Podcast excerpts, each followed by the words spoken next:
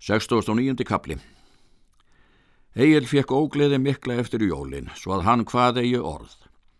Og þegar Arnbjörn fann það, þá tók hann ræðu við Egil og spurði hverju það gengdi ógleði svo er hann hafði. Vileg, segir hann, að þú láður mig vita hvort þú ert sjúkur eða ber annað til. Megum við þá bætur á vinna. Egil segir, Engar hef ég kvellis sóttir, en áhugjur hef ég miklar um það hversu ég skal ná fjöð því er að vann til þá er ég feldi ljótinn bleika norður á mæri. Mér er sagt að ármenn konungs hafi það fjö allt upptekið og kastað á konungs eigu. Nú vil ég það til hafa þitt liðsynni um þessa fjárhemtu.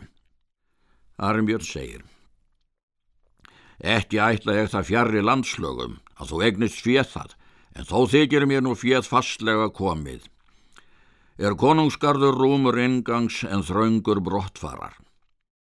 Hafa oss orðið margar torsóttar fjárhemtur við ofurreflis mennina og sátum við þá í meira trösti við konung en nú er, því að við nátt á okkur hákonar konungs stendur grund, þó að eg verði svo að gera sem fornkveðið orðið er, að þá verður eik að fága er undir skal búa.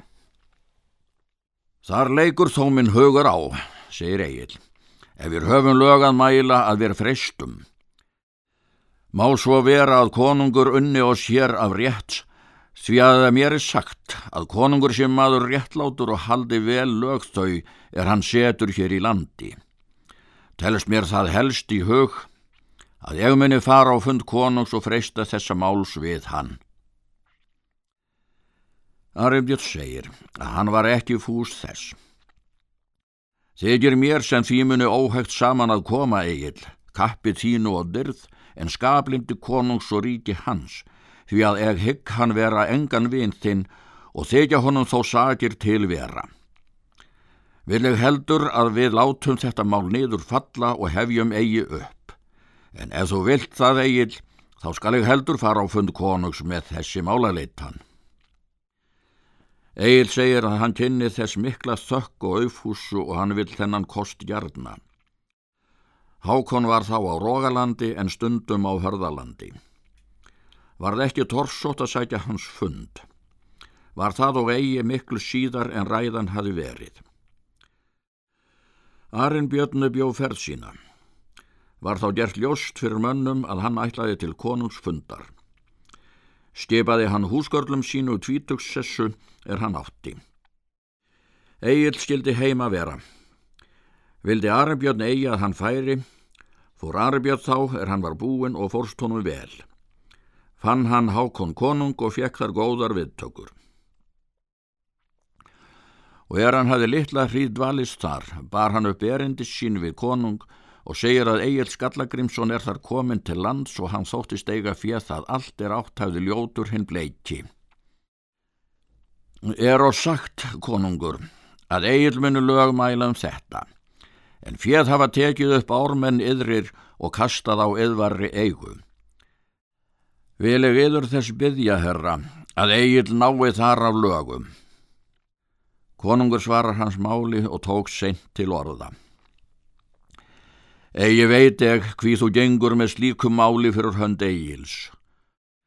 Kom hann eitt sinn á minn fund og sagði honum að ég ekki vildi hér í landi vistir hans af þeim sökum sem yður er áður kunnugt.